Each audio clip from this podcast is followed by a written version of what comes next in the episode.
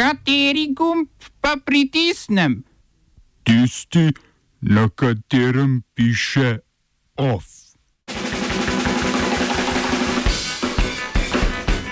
Pogorel migranski center Morija na otoku Lesbos. Združeno kraljestvo namerava kršiti dogovor o brexitu z Evropsko unijo. Aleksandra Pivec odstopila z mesta predsednice Desusa. Sodišče Evropske unije zavrnilo tožbo Slovenije glede uporabe imena Teran na Hrvaškem. V kulturnih novicah pa fotografska razstava na temo jugoslovanskih vojn.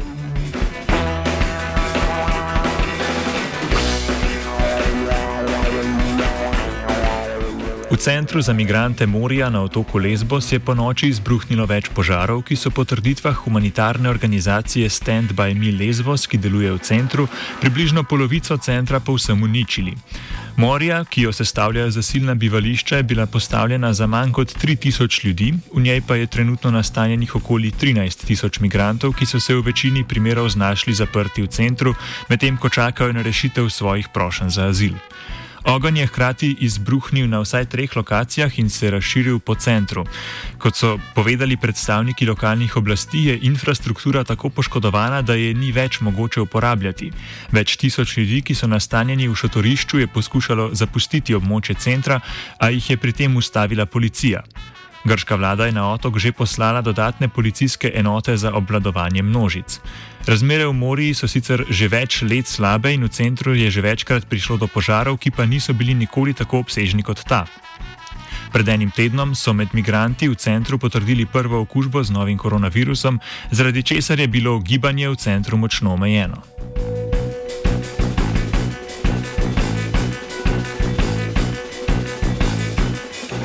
Vlada Združenega kraljestva je priznala, da namerava delno kršiti že sklenjen in podpisan dogovor med Londonom in Brusljem o izstopu iz Evropske unije.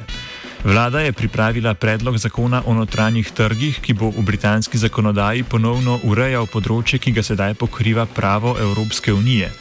Predlog zakona krši dogovorjeno premoč evropskega prava nad britanskim glede trgovine in pravil državne regulacije na Škotskem, v Walesu in Severni Irski. Ta je bila najbolj sporna točka pogajanja o izstopu med Londonom in Brusljem. V Bruslu namreč ustrajajo, da mora ostati meja med Republiko Irsko in Severno Irsko tudi po izstopu iz Združenega kraljestva iz Evropske unije odprta, kar zahteva tudi velikonočni sporazum iz leta 1997, s katerim se je končal konflikt med katoliki in protestanti v Severni Irski. Britanski minister, odgovoren za Severno Irsko, je priznal, da bo zakon kršil mednarodno pravo, a je dodal, da bo to storil v omejenem in natančno določenem obsegu.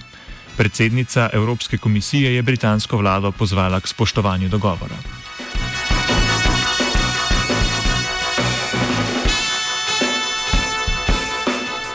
V severozahodni etiopski pokrajini Tigraj potekajo volitve za regionalni parlament kljub nasprotovanju centralne vlade v Addis Abebi. Lokalne oblasti nasprotujejo predstavitvi lokalnih volitev in so izvedbo volitev pospremile z izjavo, da bo vsaka intervencija zvezdne vlade pomenila vojno napoved. Centralna vlada je za nedoločen čas prestavila tako lokalne kot tudi zvezdne volitve, ki so bile zaradi epidemije COVID-19 predvidene v avgustu. Premijer Abi Ahmed, ki si je z odložitvijo volitev podaljšal mandat, je izključil možnost vojaškega posredovanja. Pokrajina Tigraj je bila baza Tigrajske ljudske stranke, ki je v etiopski politiki dominirala od konca državljanske vojne leta 1991 do Ahmedove zmage leta 2018.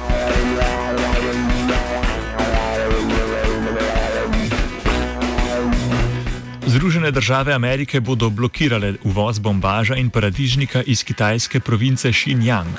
Razlog je domnevna uporaba prisilnega dela pri pridelavi teh surovin, ki sta ključni izvoz te vzhodne kitajske province.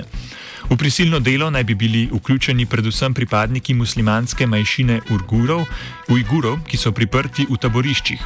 Kitajska dela približno, pridela približno petino svetovnega bombaža in skoraj vse prihaja iz province Xinjiang. Na biotehnološko-farmacevtskem parketu se odvija divja tekma v razvoju cepiva proti okužbi z novim koronavirusom. Javnost je presenetila manjša težava v tretji fazi kliničnega testiranja britansko-švedskega podjetja AstraZeneca, čeprav so takšni dogodki pri razvoju novih cepiv nekaj običajnega.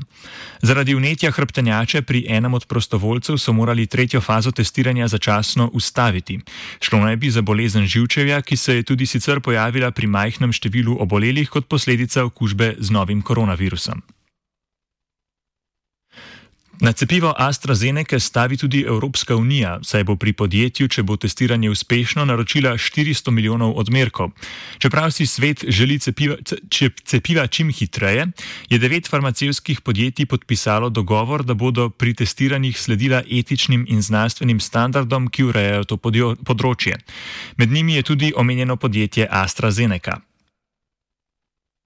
V tekmo so se svojo predklinično raziskavo vključili tudi slovenski znanstveniki. Pred dobrim tednom so predstavili novega kandidata za cepivo, ki temelji na mehanizmu vnosa plazmidne DNK v celice. Ta deluje tako, da na plazmidu, ki je krožna vijačnica DNK, vnesejo gene manjšega dela virusnega proteina. Celice v telesu začnejo proizvajati ta virusni protein, nanj pa se odzove imunski sistem in tako ščiti telo pred morebitno novo okužbo. To je dokaj nov tip cepiva, ki ga do danes še niso odobrili za nobeno drugo bolezen. Na podobnem principu temelji tudi delovanje cepiva podjetja AstraZeneca, le da na mesto plazmida uporabljajo oslabljen šimpanzi adenovirus, ki za ljudi ni nevaren. V boju proti novemu koronavirusu torej ne gre le za obrambo pred novim virusom, pač pa tudi za preverjanje varnosti novih mehanizmov delovanja genskih cepiv. Kljub številnim izzivom pa je AstraZeneca prve odmerke cepiva za nujne primere obljubila že v začetku oktobra, a glede na trenutni zaplet to ni več zelo verjetno. Oba, če, če bom odgovoril na angliški. Slovenija bo poskušala pomagati. Slovenija bo naredila naš utmost, da bo rekla, da je situacija naš problem, naše. In bomo naredili nadaljnje korake, as soon as the conditions are. Bomo vlado Marjana Cererera Šarca podprli. Very, very serious news from Slovenija. We know how and we will. Aleksandra Pivec naj bi po poročanju dela odstopila z mesta predsednice stranke Desus. Svet Desus bi moral danes nadaljevati prekinjeno sejo, na kateri bi glasovali o razrešitvi predsednice. Pred dvema tednoma je svet stranke izglasoval dnevni red, na katerem je bilo predvideno glasovanje o razrešitvi, a so sejo na to prekinili z odločitvijo, da najprej pridobijo mnenje statutarne komisije, ali lahko svet stranke to sploh stori. Komisija je na to potrdila to pristojnost sveta.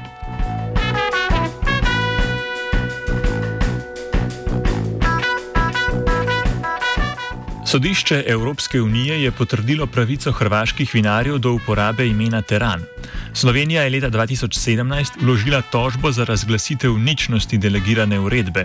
Tega leta je Evropska unija namreč dovolila pridelovalcem vina v hrvaški Istri, da kot sorto trte navedejo ime Teran, a pod pogojem, da je ta napis manjši od napisa Hrvaška Istra. Ime Teran je sicer zaščiteno ime za vino z krasa, ki pa ga pridelujejo iz grozdov trte refošk. Za odločitev sodišča je bilo ključno dejstvo, da se je označba Teran za sorto trte v Istri uporabljala že pred vstopom Hrvaške v Evropsko unijo. Sodba ni pravnomočna in Slovenija ima za pritožbo na voljo dva meseca.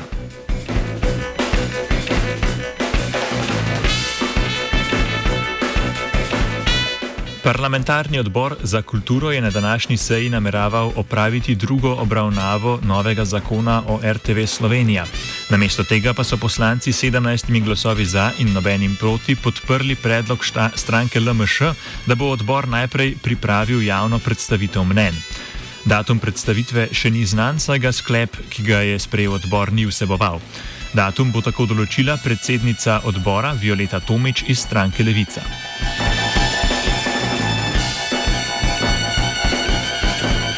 OF je pripravil Gal, znanstveno novico pa je prispevala Urša.